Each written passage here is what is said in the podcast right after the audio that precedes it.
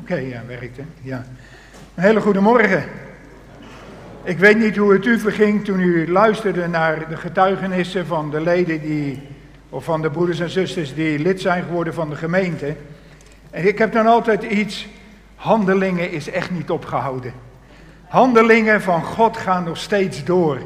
Want dat was de opdracht van God. Vertel het evangelie dat mensen tot geloof komen. Doopt hen in de naam van de Vader, de Zoon en de Heilige Geest. En dan zullen ze toegevoegd worden tot de gemeente waar ze onderwijs zullen ontvangen. Zodat het volwassen christenen worden. En als volwassene christenen aan de buitenkant van de gemeente een enorm getuige zijn. Of niet? Dat is toch handelingen? Of is handelingen voor u handelingen van de apostelen? Bijna elke vertaling zegt dat. Maar de apostelen hadden weinig kunnen doen als God het niet was die in hun levens heeft gewerkt. En dat vond ik ook zo mooi in de getuigenissen. Dat laat zien dat God door zijn geest, door zijn woord, door zijn kinderen werkt. Want een ieder die wordt op een verschillende wijze, worden ze in hun hart geraakt. We denken vaak dat het evangelie is bijvoorbeeld de vijf stappen van Billy Graham, dat boekje, en zo werkt dat. Nee, God werkt op een bijzondere wijze. En dat is zo mooi in dat boek Handelingen. Ik vind dat zo een, levend en krachtig bewijs dat God na de hemelvaart van de Heer Jezus Christus is doorgegaan met zijn werk, met het verlangen dat mensen tot geloof en bekering komen. En niet alleen in Jeruzalem, niet alleen in Samaria, niet alleen in Judea, maar tot het uiterste einde der wereld, tot aan Emmeloord en toe. Ik weet niet of dit het uiterste der wereld is, maar ik vind het toch wel een entrei op de zondagmorgen steeds maar weer. En daarom wil ik graag ook deze morgen met u een gedeelte bekijken uit Handelingen, hoofdstuk 16. En het is zo bekend, maar ik, ik verbaas me elke keer weer dat ik zelf ook zo bezig ben op wat doen die mensen.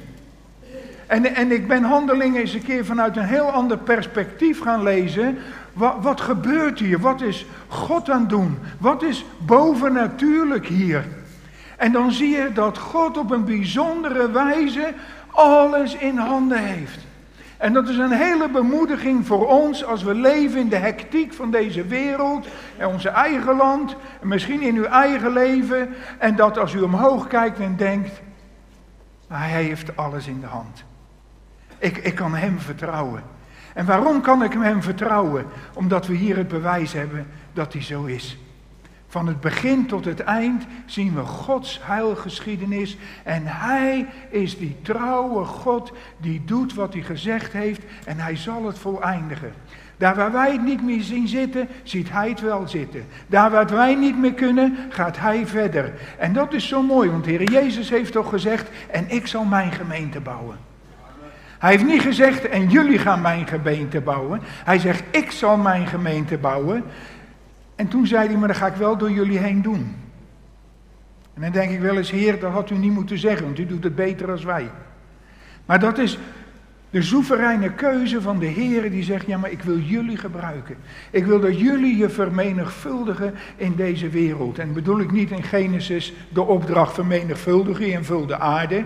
Maar dat we ons vermenigvuldigen als kinderen van God.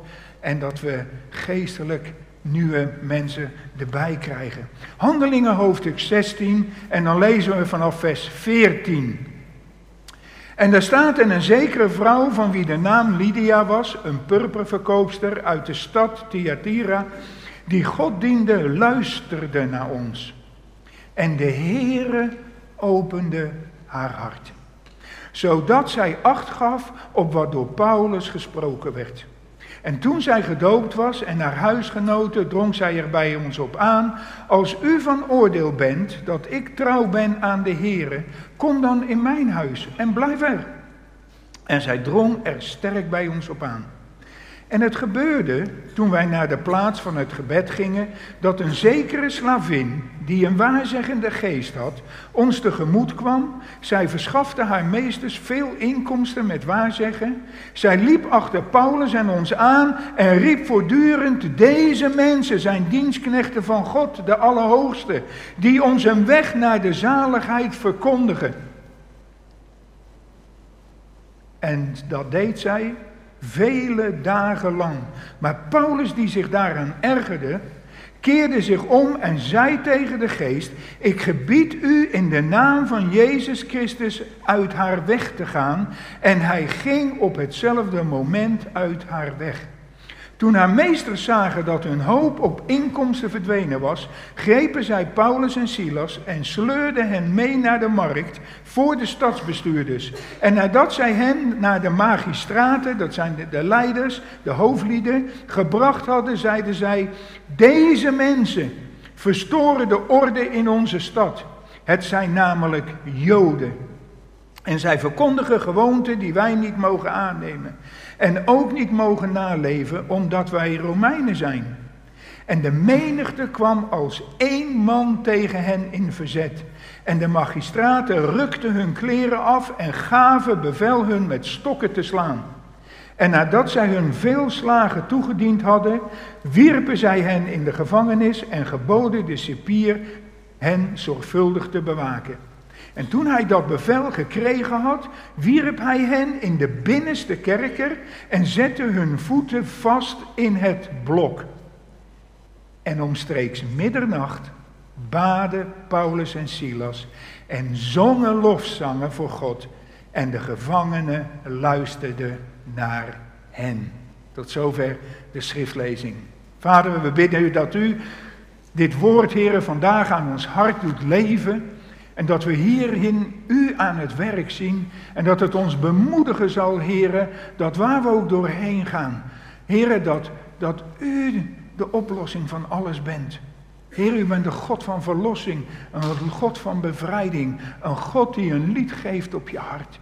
En wilt u dat zo uitwerken deze morgen in Jezus' naam? Amen. Nou, in Handelingen 16, dan zijn we al gekomen in de tweede zendingsreis van Paulus. Nou, in de tweede zendingsreis is er wat oneenigheid ontstaan. Gek hè, was toen ook al.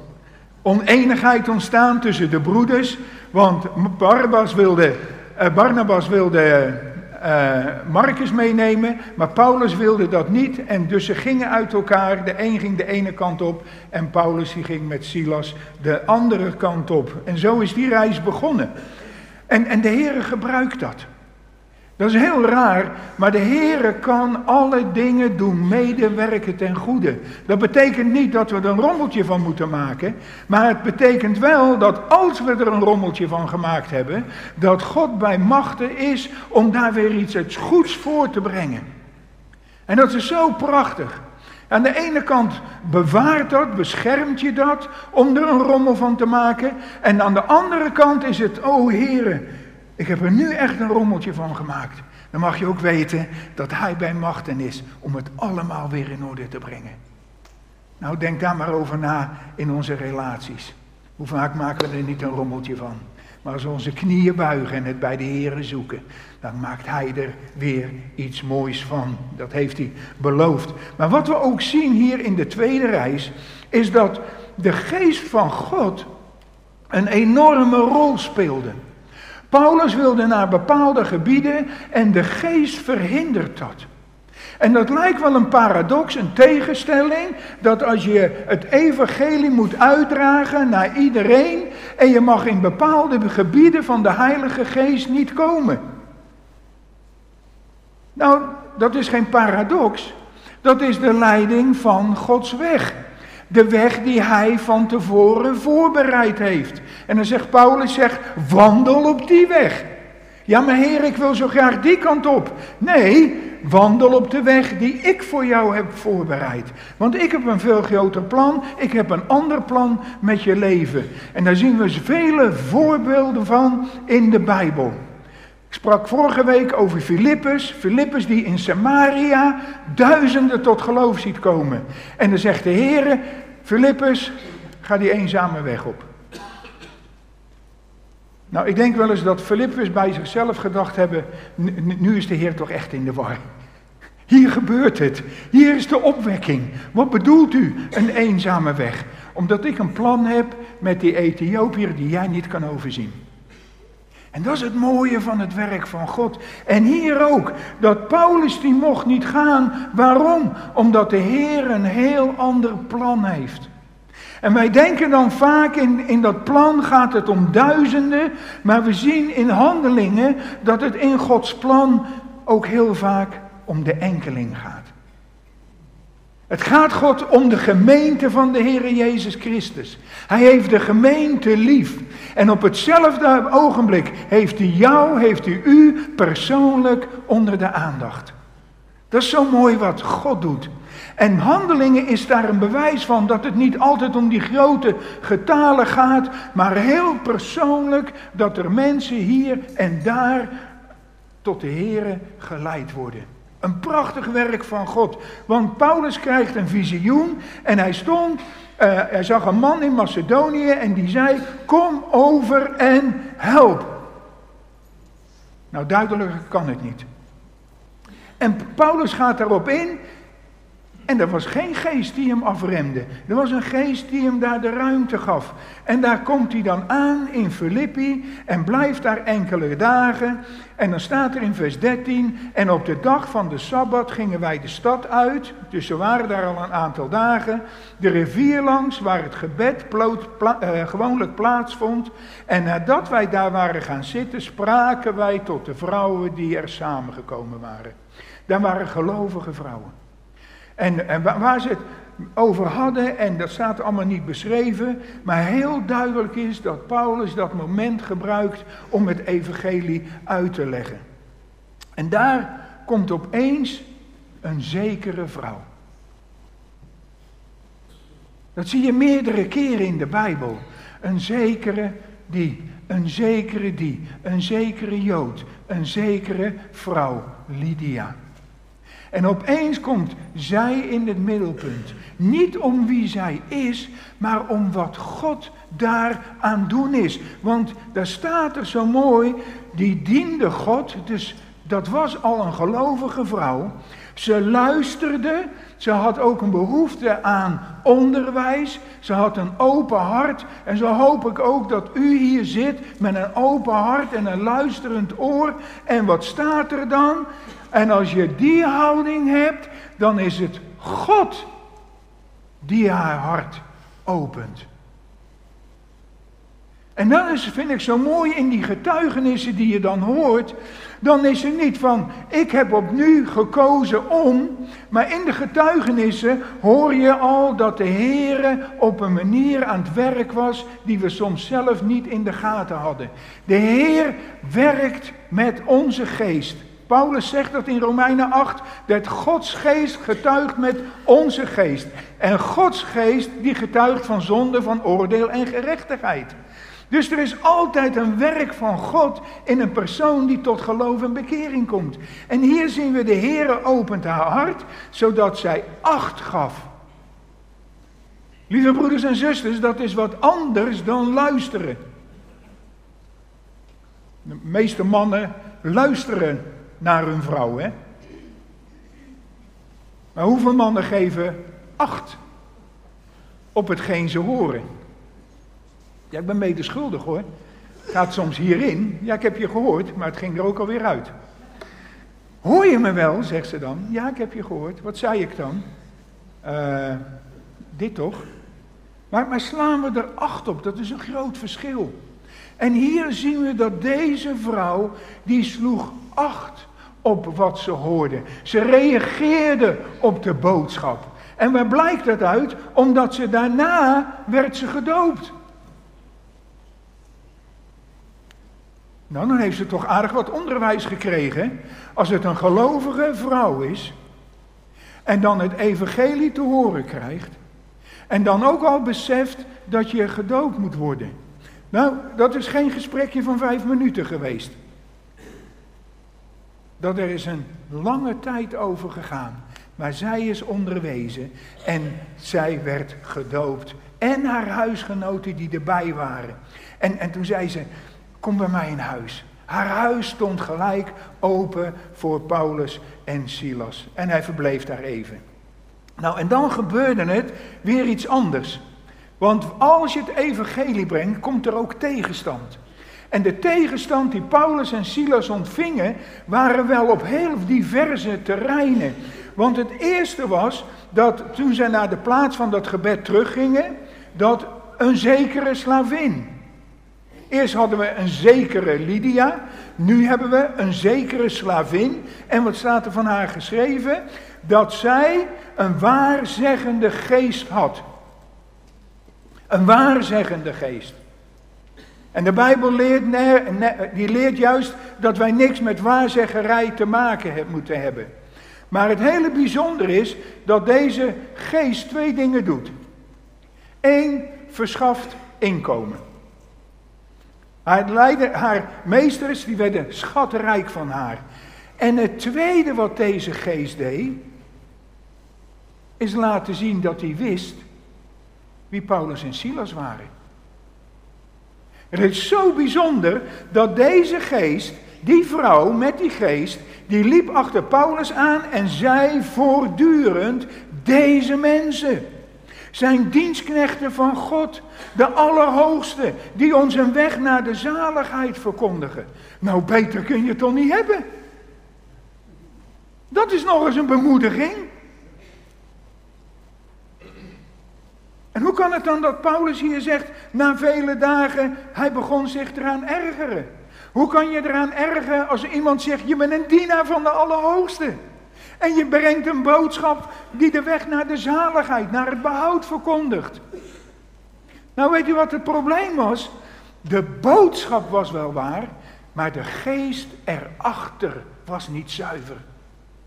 Lieve broeders en zusters, wij leven in de wereld evangelische wereld die hectisch is.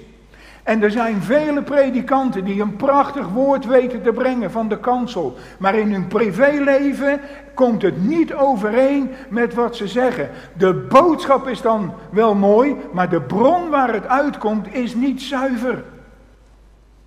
Daarom mag u gerust uw voorgangers en uw oudsten toetsen. Komt het overeen?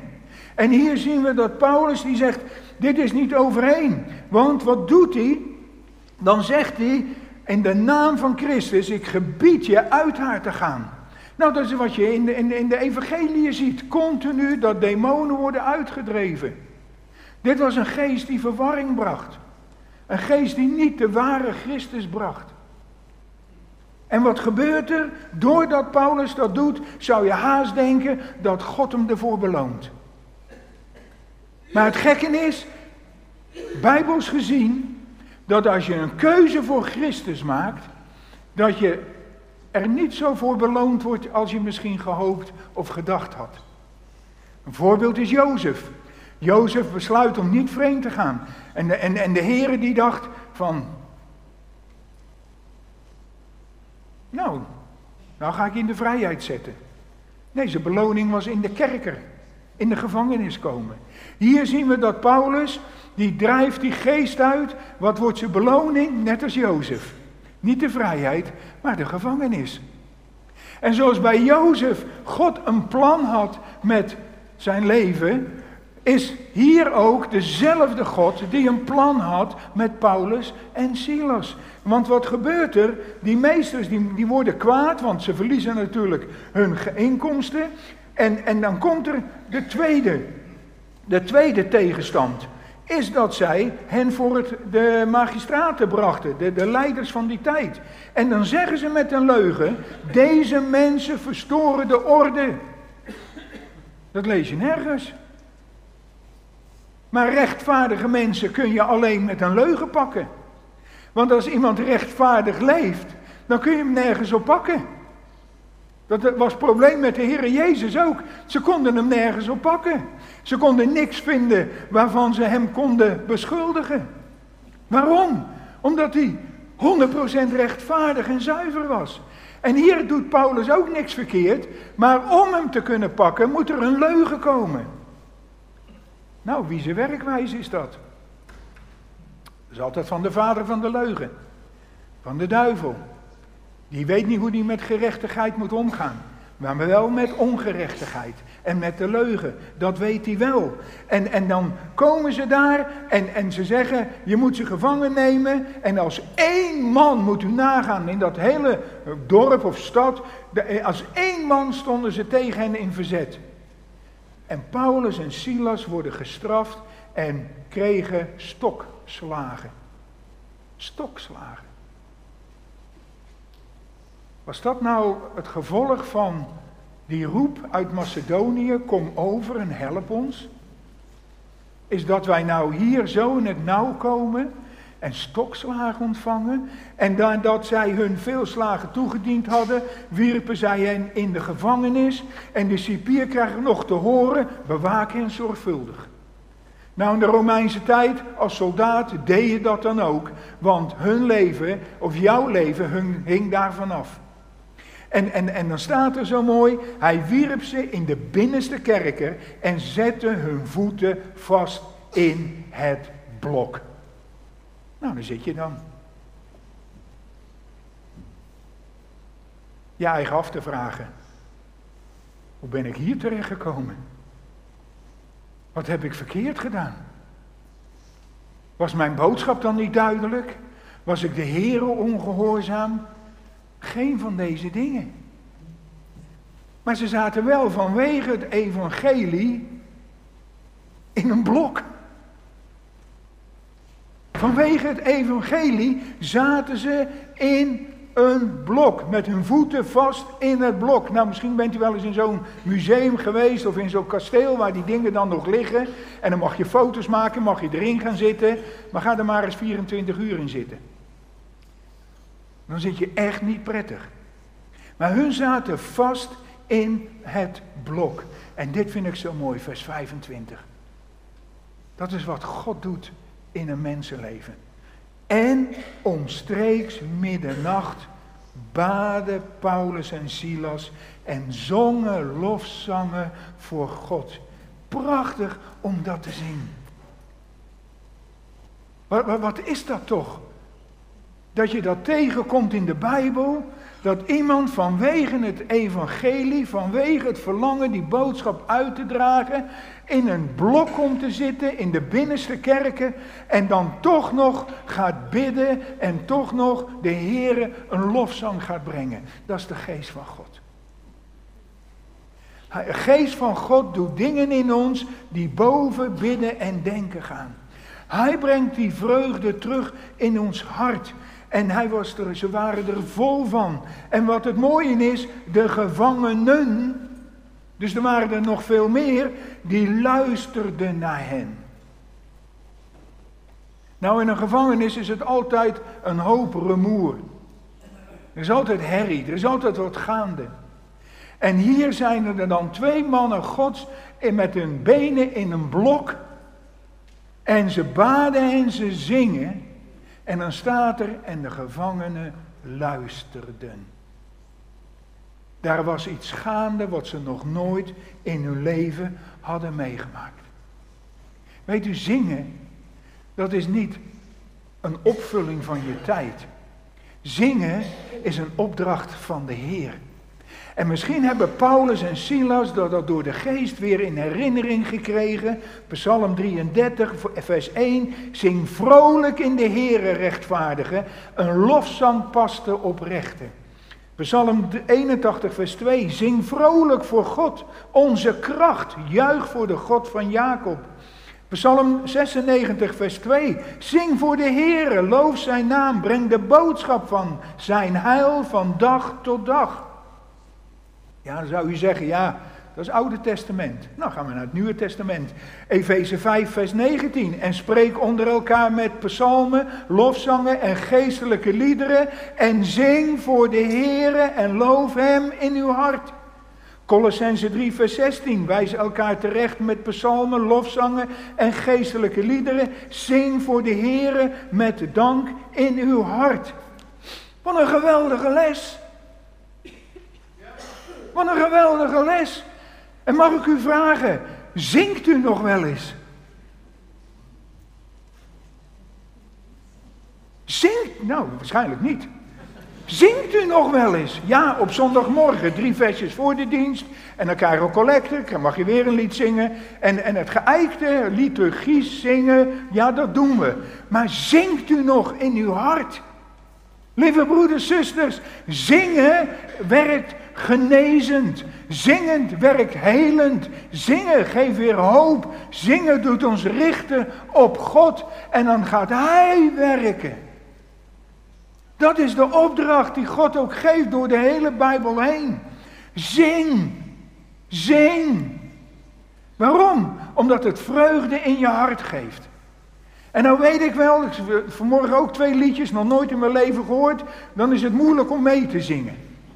Maar er wordt niet gevraagd om liedjes te zingen die je niet kent, maar liedjes die je al van kinds af aan kent.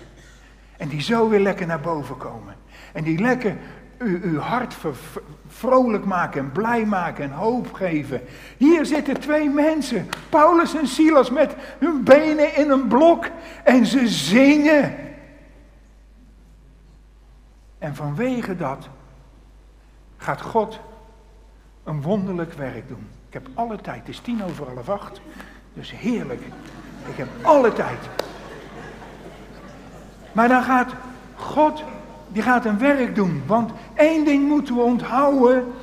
Paulus en Silas zaten vanwege het evangelie in een blok.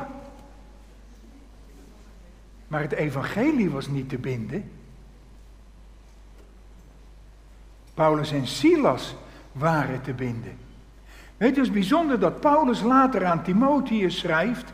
Hij zegt, voor dat evangelie, daarvoor leid ik verdrukking en draag zelfs boeien als een misdadiger. Maar dan zegt hij erachter, maar het woord van God is niet gebonden. Het woord van God is niet gebonden. Het woord van God kan wel gesloten zijn voor u. En dat u een bijbeltje in huis hebt en misschien wel twintig bijbels, alle vertalingen en, noem maar op, maar hij gaat nooit open.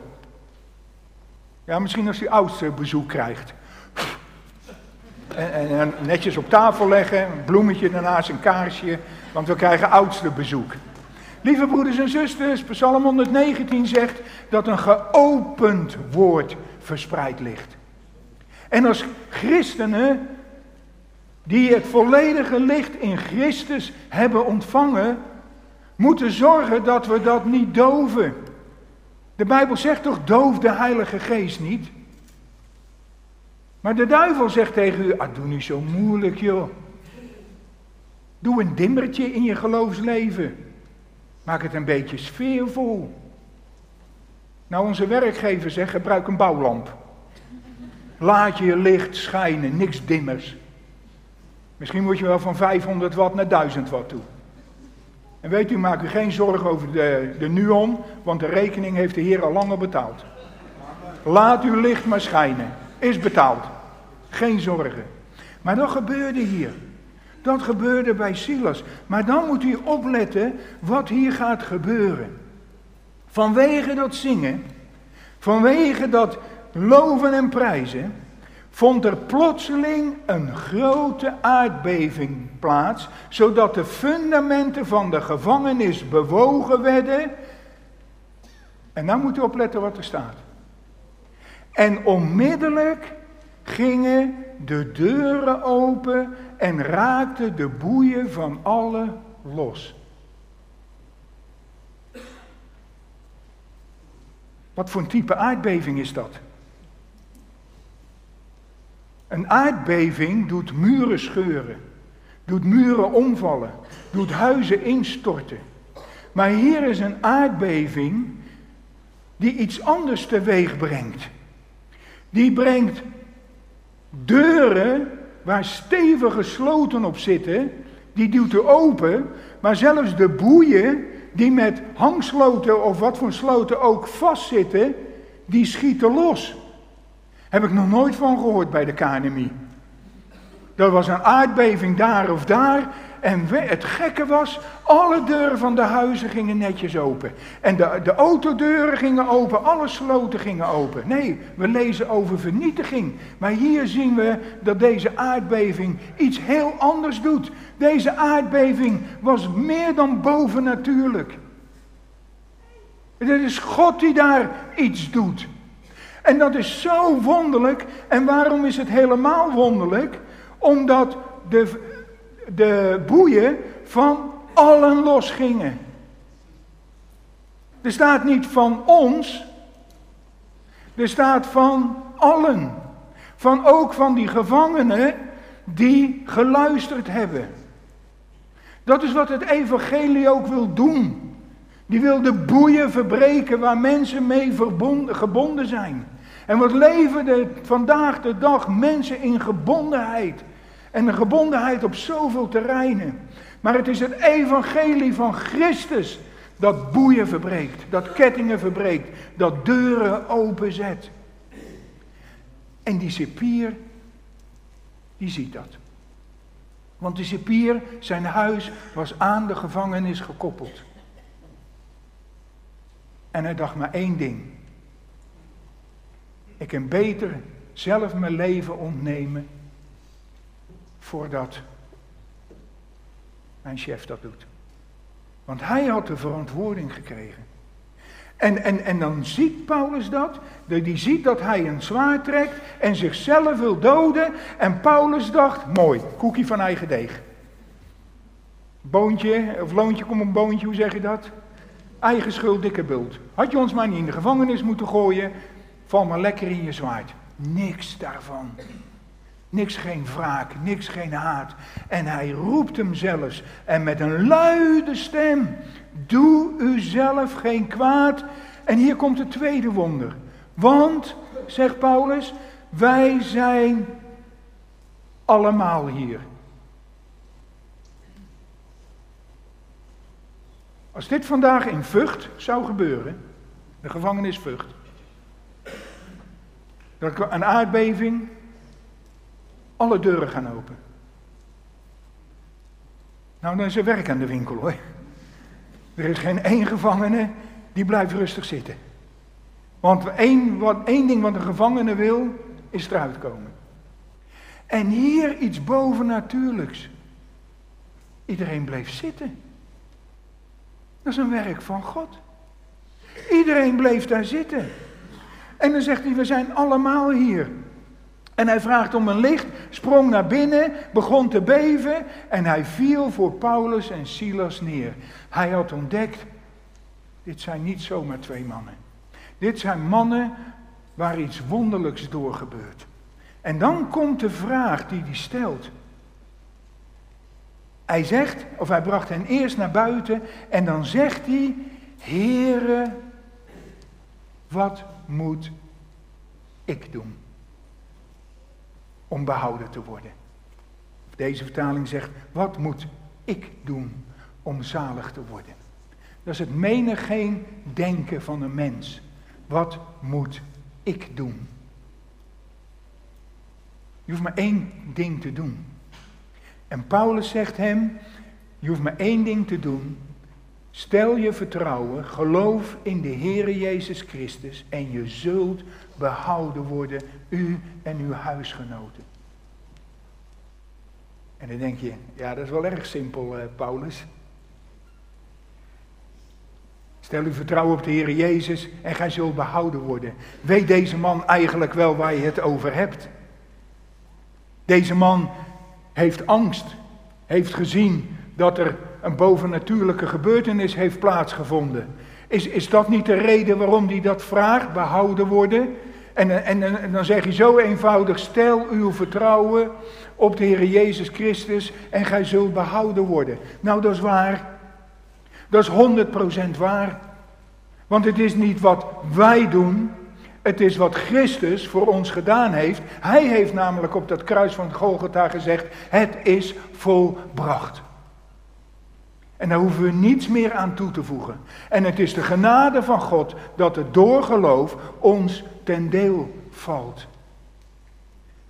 Maar de vraag is, heeft die cipier dat dan begrepen? Nee, dat begreep hij niet, want er staat een volgend vers. En zij spraken het woord van de Heere tot hem en tot alle die in zijn huis waren. Opnieuw bij Lydia, die kreeg onderwijs. Zij hoorden het woord van God. Hier de cipier kreeg onderwijs vanuit het woord van God, zodat hij ook begreep waarom hij zijn vertrouwen in het volbrachte werk van Christus zou stellen. Toen wij nog in de zending zaten, kwamen we een keer met verlof. En toen was ik zo benieuwd of, waarom mensen eigenlijk zekerheid van geloof hadden.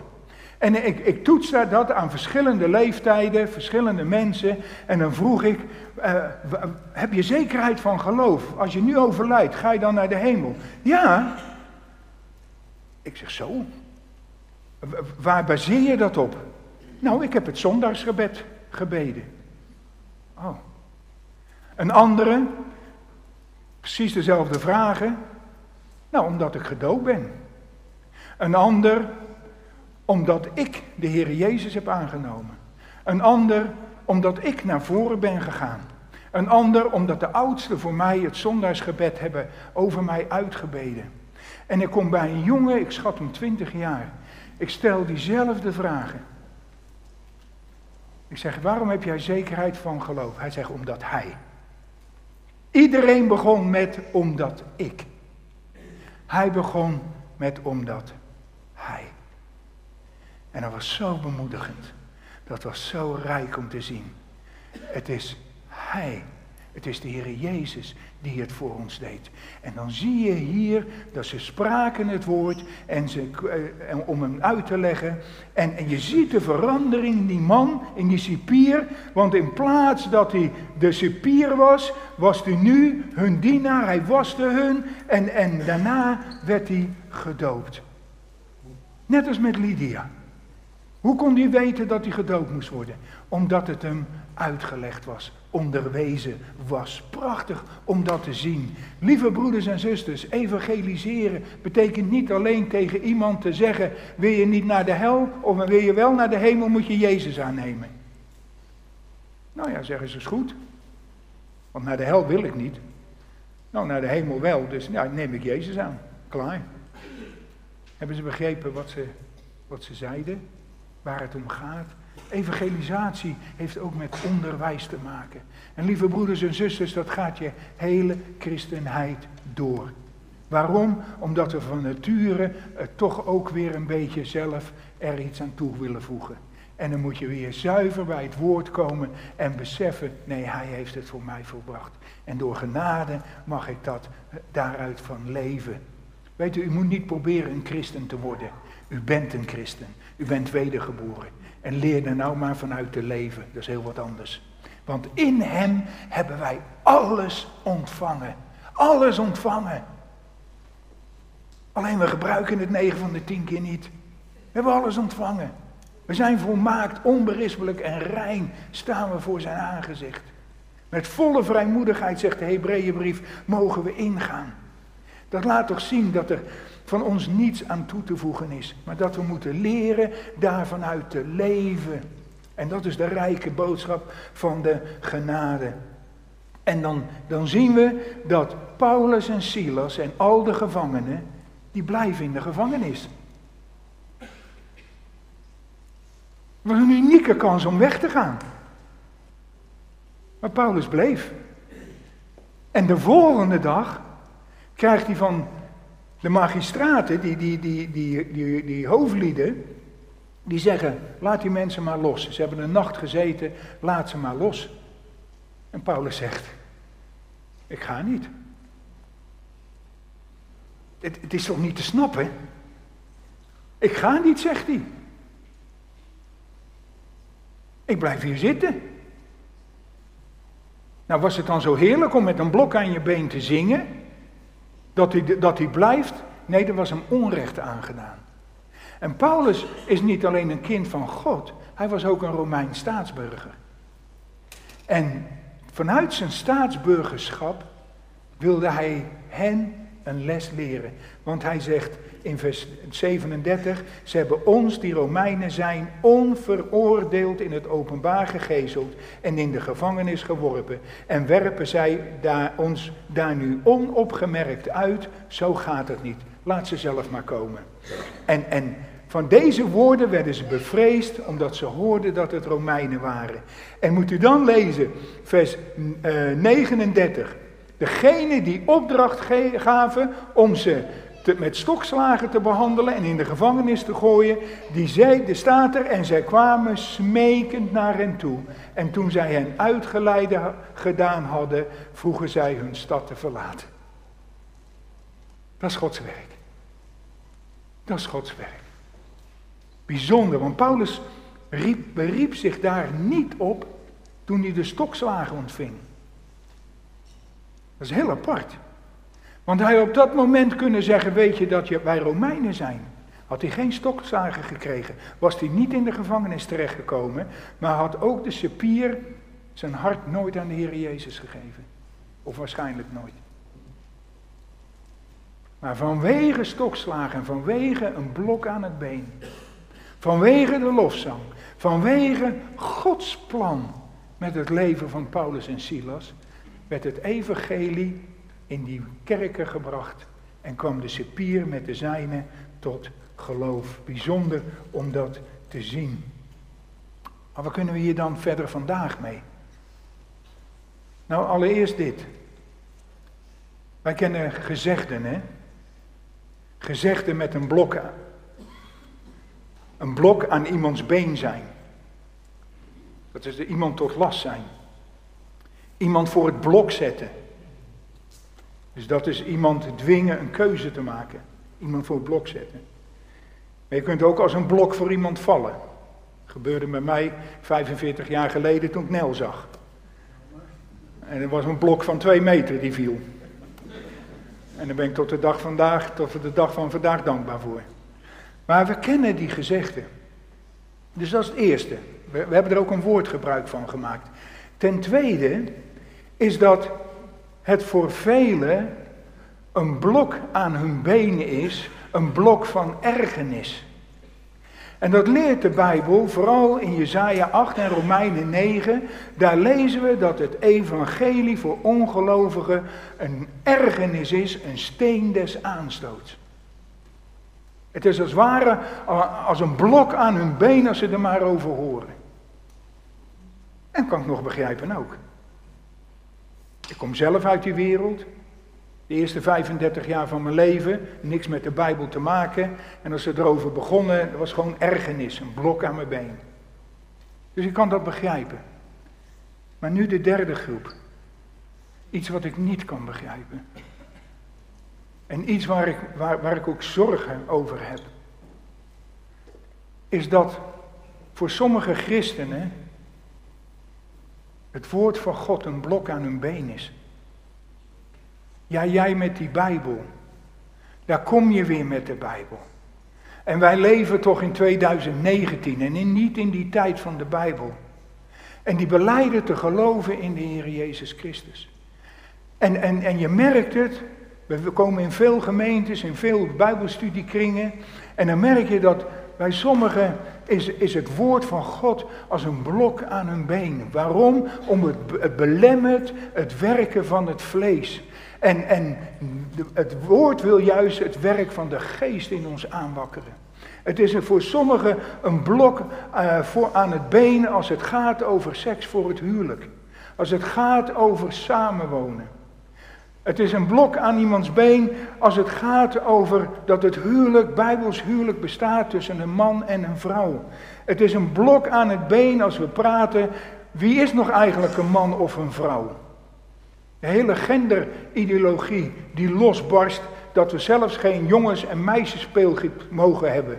En, en als je dan vanuit het woord komt, dan is het een blok aan een been, want wij leven toch in een andere tijd. Nee, het woord van God is van alle tijden is van alle tijden. Een blok aan een been wordt het als we kijken stiekem naar pornografie en de geest maakt ons duidelijk dat je het niet doet en je leest het en je wil het zo graag. Het is een blok aan het been als het gaat over een heilige levenswandel, de juiste keuzes die we moeten maken. Het kan zelfs een blok aan het been zijn als het gaat om het woordje gehoorzaamheid. Geloven is gehoorzaam zijn aan het evangelie. Het kan een blok aan het been zijn als het gaat over de positie van de vrouw in de gemeente. Het kan een blok aan het been zijn als het gaat over het gezag van de oudste en de voorganger. En dan zeggen we, ja, maar het is ook mijn gemeente. Broeders en zusters, er is niks van ons bij. Want u bent lid geworden van de gemeente van de Heer Jezus Christus. En in zijn woord heeft hij duidelijk een structuur neergelegd voor het functioneren van de gemeente. En als dat een blok aan uw been is, dan heeft u een probleem met het woord van God. En wat doet de Heer met een blok aan je been als je gaat zingen, als je Hem gaat zoeken? Maakt hij je er vrij van. En dan geeft hij de lofzang in je hart. En dan ga je zien, Heer, heeft hij het dan zo bedoeld. Weet u, David, hè? David, die had het Nieuwe Testament niet. David had veel gedeeltes van de schriften niet. Maar David wist heel duidelijk de betekenis van het woord van God. En het prachtigste voorbeeld, en daar ga ik mee afsluiten, is Psalm 19. Psalm 19, in, in de verse, nou laten we maar opslaan. Psalm 19.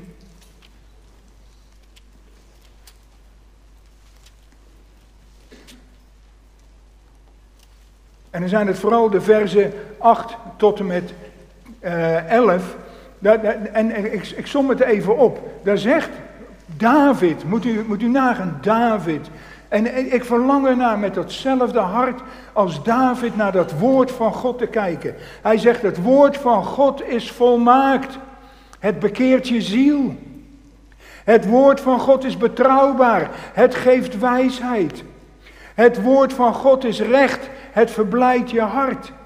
Het woord van God is zuiver. Zij verlicht de ogen.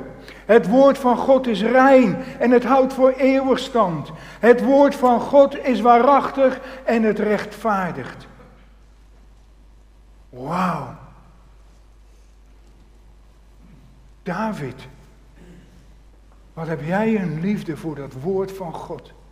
Wat heb jij een inzicht gekregen dat als we dat woord van God serieus nemen, wat het uitwerkt in het leven van degene die zich daaronder werpt? Want waar komt hij te, wat is zijn conclusie? Hij zegt dat woord van God is begerenswaardiger dan goud. Is meer dan veel zuiver goud. En het is zoeter dan honing en honingzeem uiteraard. Broeders en zusters, mag ik u vragen, wat betekent dit voor u? Welke waarde heeft dit in uw leven? Is het een gezaghebbend woord van God? En ik vraag u niet of u alles begrijpt, want ik begrijp nog steeds 99,9% niet. En hoe meer ik studeer, het lijkt het wel hoe minder ik ervan begrijp. Zo bijzonder is onze God. Maar ik geloof dit met heel mijn hart. Weet u waarom? Omdat we een God hebben, staat er in de Bijbel vier keer, die niet liegt. Jezus zegt, ik ben de weg, de waarheid en het leven. Jezus is de waarheid. De Heilige Geest is de geest der waarheid. En dan Psalm 119, heel uw woord is de waarheid. Dus God is de waarheid, de Heer Jezus is de waarheid, de Geest is de waarheid en het woord is de waarheid. Wat is dan uw probleem met dit woord? Uzelf. Jijzelf, want hier ligt het probleem niet. Het ligt in ons eigen hart. Het woord van God. En we zien hoe de Heer in handelingen steeds weer werkt. En vanuit grote menigtes zomaar de enkeling opzoekt. En die enkeling krijgt onderwijs uit het woord van God. En God gebruikt dan bovennatuurlijke gebeurtenissen. En op zijn wijze brengt hij dat bij elkaar. Maar deze mensen komen tot geloof en bekering.